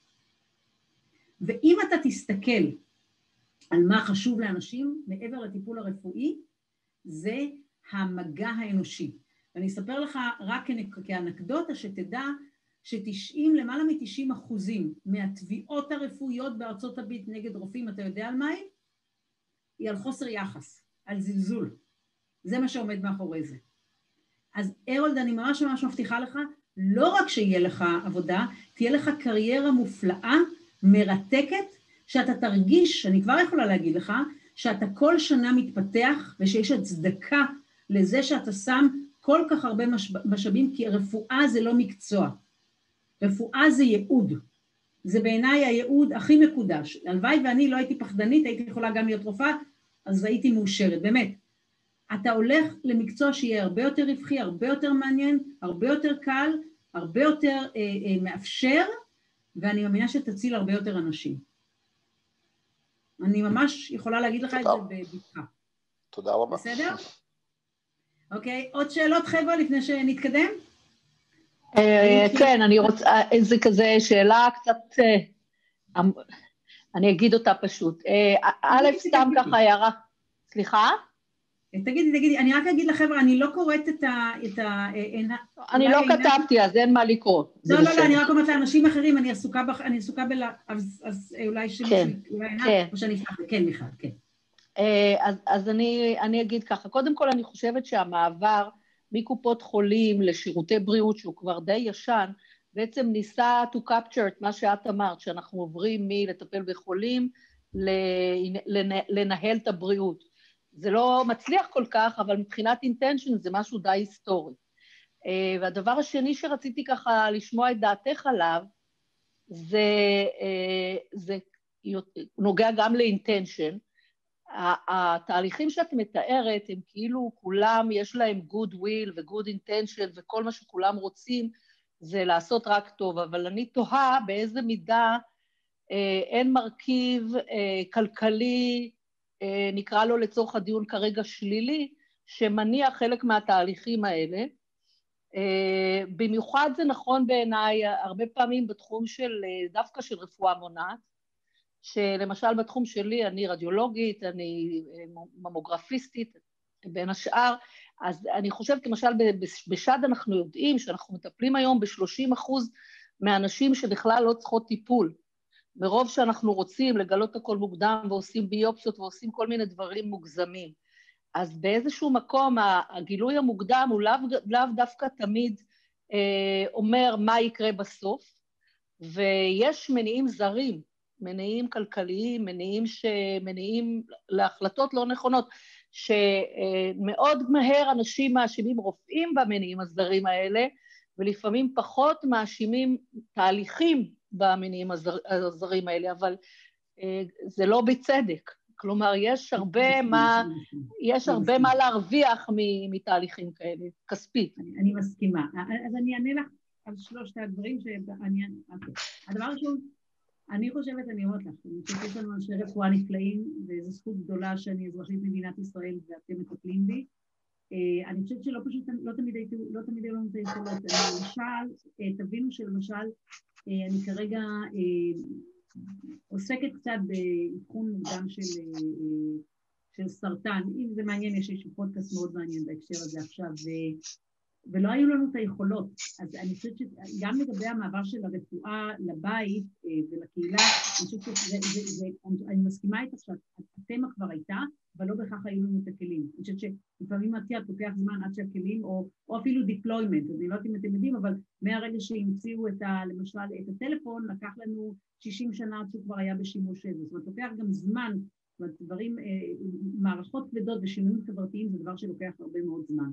לגבי good intention אני מסכימה איתך שלא צריך להיות נאיבים אה, ואין לי ספק שאמזון נכנסת לתחום לא משיקולים, אמזון בוודאות לא נכנסת, Deep אה, Mind זה סיפור אחר, זה ארגון מאוד מעניין, אני רוצה לכם לקרוא לה, זה אנשים שבאמת באים ממקום אחר, זה אנשים שכבר הגיעו למקצוע שלהם, דרך אגב, הם, הם, הם, הם, הם הם הגיעו מאוד מאוד עשירים כבר לתוך הסיפור הזה, ואני חושבת שהם באמת מונעים והם עושים דברים יוצאים מגדר רגיל, DeepMind באופן ספציפי, אני חושבת שהם ארגון יוצא דופן בהקשר הזה. אני חושבת שמה שאנחנו צריכים זה לשקול את ה trade off, שני דברים. האם מה שהם מביאים הוא מספיק טוב ומשרת אותנו, את האנושות, הכוונה שלי או לא, והדבר השני כמובן זה לשים להם, אה, אה, באמצעות הרגולציה, לשים להם גבולות ומגבלות, אני לחלוטין מסכימה. הדבר השלישי שאני רוצה להגיד לגבי הנושא של טיפול יתר אה, ואבחון יתר, זה בעיה לא רק אצלנו, זה בעיה בכל העולם. בארצות הברית למשל, בערך שליש מהבדיקות הן בדיקות שאנשים, הרופאים עושים, מבקשים אותן רק כדי להגן על עצמם, כי שם כידוע לנו מפחדים מתביעות רפואיות, מתביעות ששם זה על ימין ועל שמאל, אז אני חד, חד משמעית מסכימה איתך. אני חושבת שאנחנו נראה שכשיהיו לנו כלים יותר, יותר, יותר קלים ליישום, דבר ראשון, אנחנו נוכל לעשות את זה יותר בקלות ו, ו, וזה לא יהיה כזאת דרמה. למשל, אני רוצה לספר לכם על אישה מדהימה שנקראת מרי לואי גספן, שלמעשה יש לה חברה שנקראת Deep Open Water, נקראת החברה שלה, אני ממליצה לכם, אישה מדהימה, רשומים על שמה פטנטים בתחום ה-vision, כ-200 פטנטים, אחת הנשים היחידות בעולם שיש לה כבר הרבה פטנטים, היא עצמה חולה במחלה שמחייבת אותה לעבור שני אירועים מאוד מאוד קשים ביום, והיא בעצם הייתה סטודנטית, אני כבר לא זוכרת, נדמה לי פיזיקה, ביופיזיקה, ולמעשה היא כמעט איבדה את חייה בגיל 20 ו... כי אף אחד לא ידע מה יש לה, והיא פשוט כבר הייתה בכיסא גלגלים, לא הצליחו לאתר, ואז ברגע האחרון הצליחו איכשהו לגייס כסף, לא משנה כל התהליך, נעשה, הסתבר שיש לה גידול מאוד, משמע, מאוד גדול, מאוד משמעותי במוח, לא ניכנס לפרטים, זה לא מעניין כרגע, ובעצם מה שהיא אומרת שכשהיא הגיעה כבר למקום, היא הייתה בכירה מאוד בפייסבוק, היא הייתה בכירה מאוד בגוגל, ובעצם מגיל, משלב מסוים היא החליטה שהיא עוזבת הכל, ומה שהיא מתעסקת זה בדמוקרטיזציה, בדמוקרטיזציה של אה, אה, אה, בריאות המוח, ולא רק, והיא כרגע עובדת על מודל אה, חליפי ל-MRI, עם, אה, יחד עם, אה, אה, עם אולטרסאונד, אני דיברתי איתה, היא מאוד רצתה לעבוד איתנו כאן בישראל, היא אמרה, יאללה, תגידו לי מה צריך ודברו ואני אשמח לעשות איתכם ניסויים קליניים, שמה שהיא רוצה שזה יהיה סוג של רצועה של סיליקון, שהיא יודעת לשים על זה את כל המנגנונים הנדרשים, היא אומרת שזה יעלה משהו כמו אלף דולר המכונה הזאת, הספציפית הזאת, וכל שימוש יעלה דולר. זה הטארגט שהיא שמה לעצמה. עכשיו, ברגע שלך יהיה את זה, את לא תצטרכי שום דבר, את תוכלי לעשות את זה בקלות אצלך, והיא שמה לעצמה למטרה ב-2022 לסיים את הניסויים הקליניים שהיא כרגע עושה בארצות הברית. במקרה יש לי קשר איתה, היא תשמח לעשות דברים כאלה גם אצלנו כאן בארץ. אז אני חושבת שצריך לבדוק, אני הייתי מאוד נזהרת מלשים את כולם באותה קלחת. אני חושבת שיש לנו את מרטין רוטפלט, שהיא, אמרו לה שהיא תאבד את הבת שלה בגלל מחלה, מחלה, מחלת ריאות נדירה, והיא בלית ברירה מצאה תרופה למחלה ושמה אותה לאישור של ה-FDA תוך שנתיים, מחלה שאף אחד לא חשב, ואנחנו נדבר על זה בהמשך, שנדבר על עתיד הטיפול. אז אני חושבת שצריך להיזהר וצריך לבחור מי הפרטנרים שלך. אבל מעבר לכל צריך לעשות את מערך הוויתורים, אם זה משרת אותנו או לא, ואני האחרונה שתגיד שמה שנקרא אמזון נכנסת מסיבות כאלה, ואני מסכימה איתך שלא צריך לעשות יותר מדי, וכאן סיבות אחרות נכנסות ולאו דווקא שיקולים. אבל אבל אני, אני מאמינה שאנחנו הולכים לכיוון נכון, וברגע שיהיה לנו ארסנל מאוד נרחב של כלים והם יהיו בעלויות נמוכות, אנחנו נוכל, זאת אומרת, אתם תוכלו לקבל את ההחלטות הנכונות עבור הפציינטים שלכם. אז מיכל, אני מקווה שעניתי, אני לא יודעת אם עניתי, אבל תגידי לי אם עניתי לך. כן, ענית, וגם במקרה, אחר כך נדבר, ביי. ביי, אוקיי, טוב. עינה, להמשיך או שאלות, או לענות לשאלות? את יכולה, מה שנוח לך, אני עוקבת אחרי הצ'אט, אין כרגע שאלות בצ'אט, אז... אין שאלות, אוקיי, בסדר, אוקיי, בסדר, אז בואו נעבור הלאה קצת, אוקיי. עכשיו בעצם, טוב, אני לא אכנס כרגע, אולי פשוט בהרצאה הבאה אני אפתח עשר דקות ואני אתן לכם אולי בהרצאה הבאה עשר דקות סקירה על כל הטכנולוגיות שכרגע, יש לנו כרגע ואיך הם יגיעו, איך הם יגיעו לעולם שלנו, אבל אני, אני מבטיחה לעשות את זה, להשלים את זה. אנחנו לא יכולים לראות את זה, אבל בואו תראו כרגע מה קורה לנו עם, תוח... עם העלייה בתוחלת החיים. אם אתם שמים לב, אני רוצה להזכיר לנו, תסתכלו מה קורה לנו מ-1770, שתוחלת החיים הממוצעת הייתה פחות מ-30 שנה, ותראו מה קורה לנו בעשור האחרון בלבד. עכשיו זה ממוצע חבר'ה, עכשיו מה שחשוב לדעת שתוחלת החיים עולה בכל מקום לכדור הארץ, גם במדינות העניות ביותר וגם במדינות העשירות ביותר. כמובן שיפן היא המקום המעניין ביותר, שם אנחנו מה שנקרא נושקים לתשעים, אבל גם במקומות הרבה פחות, הרבה פחות, מה שנקרא, לצערי, עשירים או מתקדמים, אנחנו רואים את זה, ואנחנו נערכים כרגע לקפיצה נוספת, שימו לב. ישראל נמצאת כמובן במקום טוב, למרות המתחים ולמרות כל מה שאנחנו מתמודדים איתו, אני מקווה שאנחנו נמשיך לראות את זה. ובעצם המטרה שלנו היא, היא, היא אבל לא, לא רק להעריך את תוחלת החיים, אלא אנחנו רוצים להעריך בעצם את תוחלת החיים הבריאים. זאת אומרת, האם אנחנו יכולים להגיע למצב שונה ממה שיש לנו כרגע. כי מה שקורה לנו כרגע למעשה, שמתוך 100% מהאנשים מעל גיל 65, 83 אחוזים הם מה שנקרא מתפקדים טוב לגילם, יש לנו נדמה לי 14 או 15, 14 נדמה לי שהם מה שנקרא, מה שנקרא נחלשים, ויש לנו 4 אחוזים שהם התשושים. רוב תקציב הבריאות, דרך אגב, בכל המערכות הבריאות בעולם המערבי, הולכות בעיקר לגילי 65 ומעלה, והחלק הארי של התקציבים האלה הולך לשלב האחרון. זאת אומרת, דווקא שמה אנחנו שמים. עכשיו, חס וחלילה, אני האחרונה שתגיד לא לדאוג חס וחלילה לסבא וסבתא שלנו, אנחנו צריכים לדאוג להם, אנחנו צריכים להיות איתם, ואנחנו צריכים לדאוג שלא יהיה לנו אף, מה שנקרא, אף מבוגר, חס וחלילה, בטח לא עם מספר, שזה אחד האירועים היותר קשים שהיו בשנים האחרונות במסדרון, אבל עדיין היינו רוצים להגיע למצב שאנחנו מעריכים את תוחלת החיים הבריאים שלנו ומגיעים. עכשיו, מה שקורה כרגע, לצערנו כרגע, יש לנו כרגע בעיות שלמעשה שליש מהאנשים שכרגע חיים, אוקיי, בגיל 50 לא יגיעו כנראה לגיל 70, וחמש מעבר למה שאמרתי שבכל זאת, והשאלה איך אנחנו מונעים את הדבר הזה. קצת לתת לנו אינדיקציה, לפני שאנחנו רגע נדבר קצת על הנושא של רפואה מונעת, תסתכלו על הנתונים שלנו. השכיחות של המחלות שקשורות לזקנה היא מאוד מאוד גדולה, הסכנה הגדולה כמובן זה דמנציה, הערכות של ארגון הבריאות העולמי זה שמי שיגיע גיל 85, 50 אחוז מתוכם כנראה עלולים לסבול מדמנציה, יש לנו כמובן את הנושא של סוכרת, מחלות אחרות, מחלות מוח אחרות אה, שאנחנו אה, סובלים מהן, וחשוב לדעת שפשוט לא סבלו מהמחלות האלה בעבר, לא משום שהם לא היו, כי מעולם אנשים לא הגיעו לכאלה גילאים, מעולם לא הגיעו לכאלה גילאים. שלא לדבר כמובן על אה, מה שנקרא, על הפגיעות הקשות, מה קורה עם הנפילות וכן הלאה, מחלות הלב, 50 אחוז בסופו של דבר מהאנושות, כרגע כל אדם שני עדיין נפטר ממחלת לב ולא מדבר אחר, איך אנחנו יכולים למנוע את הדברים הללו. ואני חושבת שאנחנו צריכים להסתכל על זה דרך פריזמה הרבה יותר רחבה, אה, של בעצם מסע החיים, בתוכו מסע המטופל שלנו, המסע של הארגונים שלנו, ובסוף המסע שלנו כאנשי מקצוע, ככה בסופו של דבר הוא נראה. ואני חושבת שאנחנו צריכים, דבר ראשון, וזה אני לא חושבת שאני מחדשת לכם, אתם רופאי משפחה, אתם יודעים את זה הרבה יותר טוב ממני, שכמות המשתנים שמשפיעים על הבריאות היא אה, אדירה.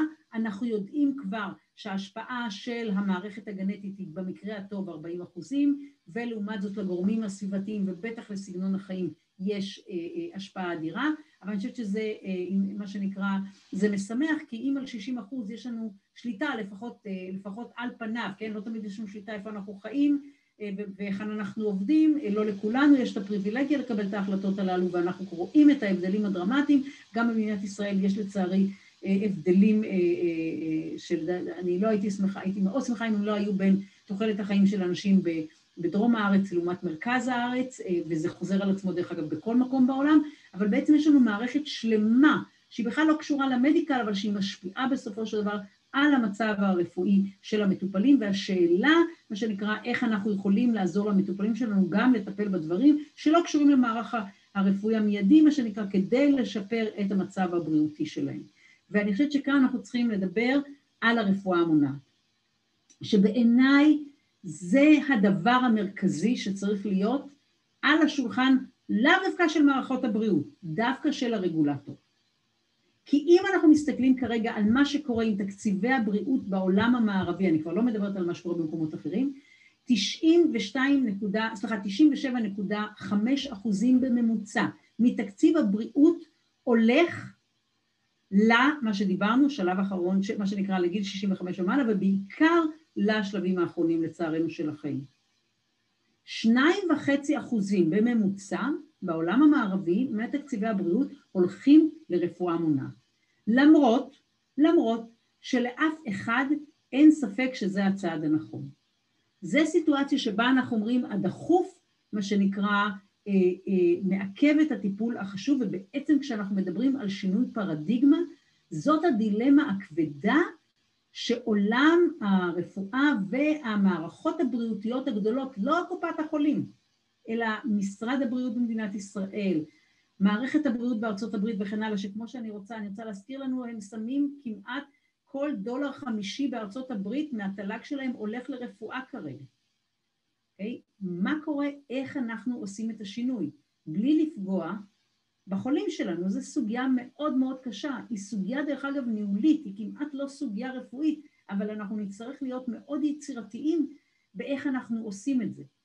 כי אנחנו בעצם צריכים להחזיק שתי מערכות, זאת אומרת, יותר נכון, אנחנו צריכים מערכת אחת, אנחנו צריכים להחזיק אותה, אנחנו לא יכולים להפסיק לטפל בחולים שלנו, ומצד שני, אנחנו חייבים לבנות מערכת שכרגע היא לא תצדיק את עצמה אולי כלכלית, אבל היא תצדיק את עצמה עוד 20, 30, 40 שנה, והיא הצעד הנכון לעשות. זאת הדילמה הבאמת הקשה שאנחנו צריכים להתמודד איתה. ומה שקורה כשיש לנו דילמה כל כך קשה, הרבה פעמים אנחנו פשוט לא, מתעלמים, אנחנו, אנחנו לא מתעסקים איתה, וזאת הסיבה שלמרות שאני יכולה להגיד לכם, קראתי כל מיני דיונים שקשורים לרפואה מונעת, אנחנו רואים שאנשים יודעים שזה הצעד הנכון, אבל הוא קשה לעשות. דרך אגב, כמו שקשה לאנשים לעשות מה שאתם יודעים, לעשות דברים אחרים בחיים, לעשות את השינוי, גם כאן יש לנו את הקושי הגדול הזה. ולכן כשאנחנו מדברים למשל על אה, לשכת הבריאות האמריקאית, היא מדברת על ייעוץ, על תרופות למניעה, על סריקות ועל בדיקות, יש רשימה שלמה, אני לא ארחיב על זה כרגע, אבל בעיקרון זה מה שאנחנו מדברים עליו. ואני רוצה כרגע, לפני הדבר, לפני שאנחנו נכנסים באמת לרמות המניעה השונות, אני רוצה לרגע אחד, וזה הפריזמות כמובן שמעניינות אותנו, קצת שנסתכל לרגע אחד על מה קורה לנו וכמה מה שקורה לנו, כמה, כמה בעצם אנחנו, אה, אה, אה, כמה אנחנו לא, לא משקיעים בזה בעצם, למרות שהיא מאוד מאוד אפקטיבית, למרות שהיא מאוד מאוד אפקטיבית, ואני רוצה לדבר על כמה כלים, יש לי רק עוד תשע דקות.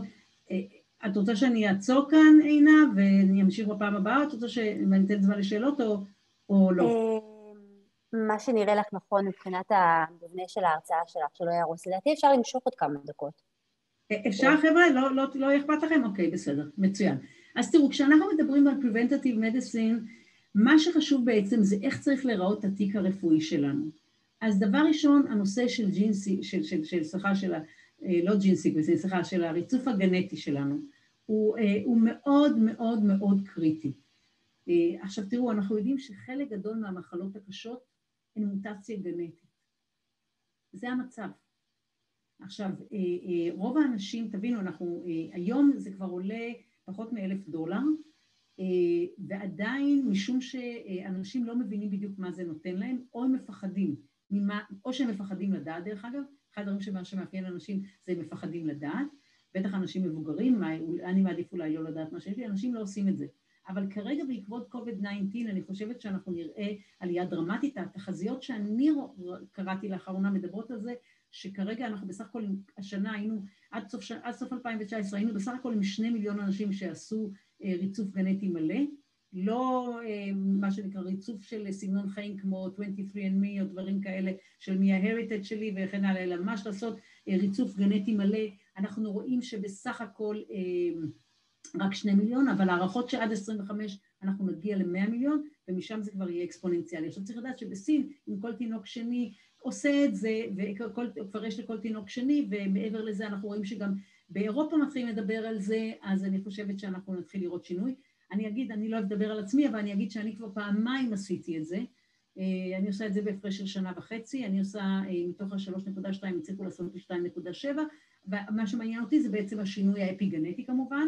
אה, כמובן, אצלי במקרה שלי לוקחים את זה ומשווים את זה, לפחות במרפאה שבה אני עשיתי את זה, משווה את זה ל-75 סוגים של סרטן ול-75 אלף מוטציות שונות של סרטן, ואני, בשבילי השקט הנפשי שבאים ואומרים לי, תקשיבי, אין לך שום מוטציה, את, אה, יש לך כרגע, את יכולה להמשיך אה, לעבוד קשה ול, ו, וליהנות מהחיים. אה, בשבילי לפחות, ברמה האישית שלי, זה נותן לי את, את תעודת הביטוח שאני זקוקה לה. ומה שאני מאמינה שיקרה, אני מאמינה שזה בטווח של עשור, זה יהיה לכל אחד. עכשיו, יכול להיות שזה לא יתחיל עם האנשים המבוגרים, כי יש פחד מאוד גדול מה קורה עם הדאטה, אני לא, אני לא אדבר כרגע על נושא של data privacy, שזה בעיניי מאוד קריטי, ואני רק רוצה להזכיר לכולנו שמה שנקרא, את, הקוד הגנטי שלי אפשר לקחת מהכוס ששתיתי בה.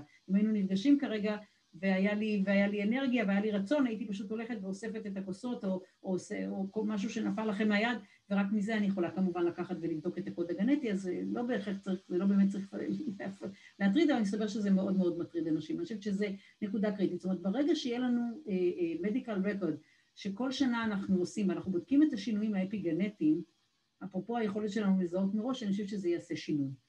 אה, וכמו שאני אומרת לכם, אילומינה כבר טוענת שיכולה לעשות את זה ב-100 דולר ובפחות משעה. אה, ובעצם הדבר הבא, אה, אם אתם רואים, יש לנו כאן מפה מאוד מעניינת של איך לפחות האנשים, זה בעצם, מי שבנה את המפה הזאת זה ונטרס. ונטרס, דרך אגב, ג'ורג' צ'רץ' התחיל את הפרויקט של, הג'ינס, של, ה, של הגניום האנושי, והוא בעצם סיים אותו אחרי שבע שנים. אז מה שכרגע אנחנו יכולים לראות, שאנחנו מדברים באמת על המערכת, אה, אה, על הניתוח הגנומי, ואנחנו מדברים על המקרוביום, שאני חושבת שזה ממש אה, הופך להיות נושא יותר ויותר משמעותי. לפני חודשיים היה פרסום לא של אוקספורד, אני צריכה להיזכר, אוניברסיטה אבל מאוד מאוד רצינית ששמה על השולחן מסר או, או טענה או בעקבות מחקר שהיא עשתה שיכול להיות שהוא יערער את התפיסה שלנו להרבה, לגבי הרבה דברים היא טענה שפרקינסון זה מחלת מעיים שעולה למוח. עכשיו, אה, זה, זה, אפרופו, דיברנו על התגליות, תחשבו, אני לא יודעת, כמובן, אנחנו צריכים לקבל עוד אישושים לזה, אבל זה היה נדמה לי בנייצ'ר, זה אחד המגזינים היותר משמעותיים כמובן בעולם המדעי, ואני חושבת שזה משנה פרדיגמות. כי אם זה הסיפור, אז כל הסיפור של איך אנחנו שומרים על הבריאות, וכמובן אם זה אומר, אם זה אומר, אם זה אומרים את זה על פרקינסון, מה זה אומר לגבי אלצהיימר וכן הלאה, אז איך אנחנו מטפלים בעצמנו ואיך אנחנו נערכים וכמה attention אנחנו היום נותנים בכלל לבריאות של הביום שלנו, אז זה נושא שאני חושבת שהוא אה, מאוד משמעותי, אה, ואנחנו, לא, הוא לא מפותח כרגע עוד בתפיסה שלנו, ואני חושבת שכאן יש לנו הזדמנות מאוד מאוד גדולה בעליות מאוד נמוכות, כי לא כולם יכולים אולי לעשות ניתוח גנטי במיידי, כי אין לנו כאן את הציוד וכן הלאה, אבל אני חושבת שניתוח של הביום הוא, הוא, הרבה, יותר, הוא הרבה יותר קל והרבה יותר זול, ואני חושבת שנוכל אולי אה, ללמוד ממנו הרבה... אה, עכשיו, כל הסיפור של המטאבוליזם כמובן שהוא יהיה מאוד משמעותי, אה, ה imaging, אני חושבת שאנחנו נצטרך לבנות, בגלל זה דיברתי על מרי לו ג'פסן, כי אני חושבת שאם יהיה לנו יכולת לעשות imaging זרי, זול, אה, שיאפשר לאנשים לבדוק את עצמם, אה, כמו הדוגמה של ה screening שסיפרתי לכם על האמבטיה, שזה בעצם עבודה, כרגע על מה שסיפרתי לכם בעצם על, ה, על האמבטיה שאנחנו נכנסים ולמעשה יש לנו סנסורים שבודקים את עצמנו, זה take off כרגע על, אה, זה spin off על בעצם עבודה שסבסטיאן טורן אה, עושה. סבסטיאן טורן אה, הוא פרופסור לבינה מלאכותית, הוא בעצם אה, בנה את הרכב האוטונומי, סליחה, הרכב האוטונומי הראשון, הוא איבד חבר טוב, והוא הגיע למסקנה שצריך לטפל בסיפור של, לטפל, ב, לטפל בעובדה שאנחנו בעצם הורגים 1.3 מיליון איש כל שנה בכבישים בגלל שאנחנו חושבים שאנחנו נהגים טובים, והוא בעצם עזב את סטנפורד, שהוא היה ראש המעבדה לבינה מלאכותית, הגיע ל... ל לגוגל, בנה שם, בעצם הוא, התבקש על ידי גוגל להגיע לשם, בנה את הרכב האוטונומי, חזר עזב את זה כי מה שמעסיק אותו זה בעצם לבנות אה, אוניברסיטה שכולנו נוכל להתכונן בה לעתיד, ובעצם במסגרת אחד מהתרגילים שעושה עם התלמידים שלו, הוא אמר להם בואו נבנה אפליקציה, אה, בואו נבנה אפליקציה אה, שבודקת בעיות בעור. והוא גייס לצורך הפרויקט הזה כאדוויזר, כיועץ את הדרמטולוג מספר שניים בארצות הברית, והסיפור שהדרמטולוג הזה מספר כמובן זה שהוא אחרי שהוא ישב ועבד עם הסטודנטים באחד הימים, הוא הלך, הוא הלך להיפגש עם חבר טוב שלו לארוחת ערב, ובזמן ארוחת הערב החבר שאל אותו, תגיד, באמצע הסטייק או משהו כזה, הוא אומר לו, בוא אכפת לך להסתכל על מה שקורה לי כאן ביד, הוא מעיף מבט, הוא אומר לו, תעזוב, זה שום דבר, ואז הוא אומר, רגע, רגע, רגע, אתה יודע מה, אני עובד כרגע על אפליקציה, תן לי לראות, הוא מוציא את הסלולרי שלו, הוא בודק את זה, הוא אומר לו, תקשיב, יש לנו בעיה רצינית, זה מלנומה קטלנית, בוא נטפל בה באופן מיידי. הוא מספר שהוא בעצמו הופתע. ומה שגם מספר סבסטיאן טורן, שמאחרי הסיפור הזה, אה, המיילבוקס שלו, מה שנקרא, אה, אה, עמוס במסרים קורעי לב של מטופלים ושל אנשים שאיבדו קרובי משפחה בעקבות בעיות דוגמות כאלה, ומתחננים שהוא כבר ישחרר את זה. כמובן שהוא מדבר על זה שהוא לא יעשה את זה כרגע, אלא אחרי אישור של ה-FDA. עכשיו חשוב לדעת שברגע שאנחנו מעבירים משהו מהמעבדה באישור של ה-FDA לסלולרי, והוא הופך להיות אפליקציה, וחשוב לדעת שכרגע מי שמנהל כרגע את המערכת, גוטליב, גוטליב הוא יהודי חכם מאוד, הוא מנהל את המערכת של ה-FDA, והוא בעצם בנה כרגע בשנים האחרונות שני מסלולים, כי בעיקרון ה-FDA אישר, אני כבר לא זוכרת, אני אחפש את הנתון כי הוא נתון די מעציב של כמות התרופות שה-FDA אישר בשנים האחרונות, במשך ימי, מאז, מאז, אני אזכור, אני אדע להביא לנו את הנתון הבא הבא, נתון מאוד מעניין, ה-FDA הוא עושה עבודה מאוד טובה, אבל uh, הוא הרבה פעמים גם מעכב תהליכים שאולי יכולים לעזור, ובעצם מה שגוטליב פתח בשנים האחרונות, הוא פתח שני כרגע ליירים נוספים של uh, אישור תרופות, uh, ואחד זה medical devices, ואחד זה אפליקציות. Uh, uh, והוא מריץ, הוא עושה דברים יוצאים מגדר הרגיל, uh, אז זה אחד הדברים שאנחנו רואים שברגע שזה עובר לסלולרי, זה עניין של זמן, זה כבר עניין באמת מסחרי, אפרופו מה שמיכל אמרה, שבעצם זה יכול להיכנס לבית שלנו אה, בתור משהו שהוא בכלל נעלם, דרך אגב. נעלם בכלל בתוך התפאורה, שזה בסופו של דבר מה שקורה לטכנולוגיה טובה. אוקיי? כשהיא נעלמת כבר בתוך ואנחנו לא רואים אותה, כמו שהיום אנחנו, אף אחד מאיתנו בשיחה הזאת לא דיבר למשל על חשמל, כן? כולנו כרגע עם החשמל, ואף אחד לא מדבר על חשמל. אז זה מובן מאליו, זה נקרא טכנולוגיה שכבר אה, נכנסת לרקע, ויהיה לנו לא מעט טכנולוגיות רפואיות כאלה.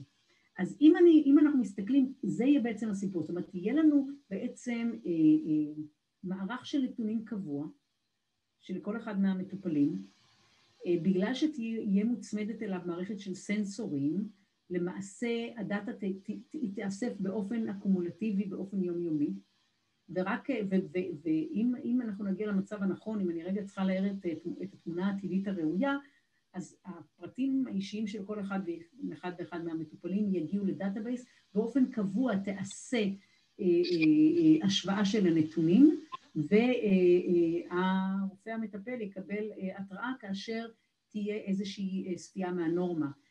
דרך אגב, מייקל שניידר, שהוא, דרך אגב, הוא מנהל המחלקה למחלות אוטואימוניות ב...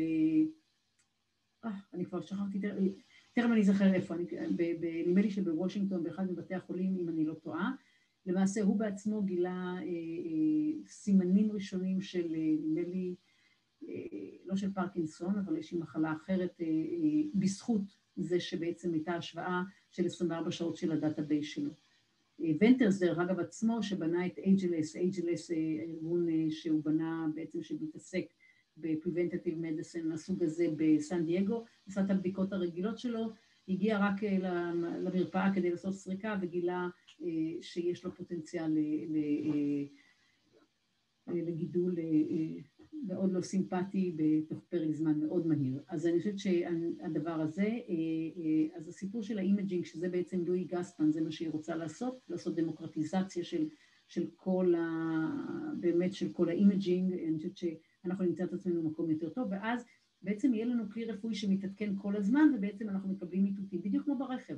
אומרת, אנחנו כרגע נכנסים לרכב, ואנחנו, מתי אנחנו מוטרדים, מתי אנחנו מקבלים איתות, כאשר הבלמים לא בסדר, או כאשר המנוע מפסיק לתפקד, אני מבינה שיהיה לנו בדיוק את אותה מערכת. שאני יודעת שזה כרגע נשמע כמו science fiction, אבל אני יכולה להבטיח לכם שזה לא, כי בתחומים אחרים אנחנו כבר רואים את זה אה, אה, מתקדם והולך. אה, אז אני, אה, וואו, כבר עברתי את הזמן להמשיך. עינה, להמשיך? זה בסדר? אמ, אני לא יודעת. תשלימי את מה שאת רוצה להגיד כדי לעשות איזשהו סוג של closure, אבל נראה לי שעוד מעט... אוקיי, אז אני רק אגיד שאנחנו מדברים, כשדיברנו על סנסורים, אז מה שקורה, יהיה לנו חיצוני לגוף, אנחנו נערכים כרגע, זה עוד מעט יהיה ממש על הגוף, זה יהיה עם פאצ'ים למיניהם, והשלב הבא אה, יהיה לנו אותם בתוך הגוף, שזה יהיה כנראה ב-2030. אני רק רוצה שתראו את כמות, ה, אה, כמות האפליקציות שכבר, שיש לנו כבר לנושאים השונים. אה, ותראו מה קורה לנו בהקשר הזה אה, של המובייל הרף, תראו את הצמיחה שזה רק, אה, רק בעשור האחרון. אז זה ככה מה שעד עכשיו היה לי להגיד. אני מקווה שנהנתם, אני מקווה שזה תרם לכם. אני פנויה לכל שאלה, לכל כל דבר שתרצו. לעינה יש את המייל שלי, נכון? ו... נכון. ו... אני רוצה עוד פעם להתנצל, אני לא יודעת מה קרה עם המצגת, הכנתי לכם מצגת עם כל כך הרבה צבעוניות, אבל אנחנו נתקן את זה לפעם הבאה. ואני תמיד זמינה לכל שאלה, אפשר לכתוב לי, אפשר לצלצל אליי, אפשר לשלוח לי וואטסאפ, אני אדם מאוד מאוד לא פורמלי, ואתם עושים עבודת קודש. אין לי מילים, אני חוזרת ואומרת, אין לי מילים להודות לכם. אז אם תרמתי לכם ולו במעט, אני... אז זכיתי, באמת, אז זה מה שיש לי להגיד. אני ממש מקווה שקצת תרמתי לכם, כמעט.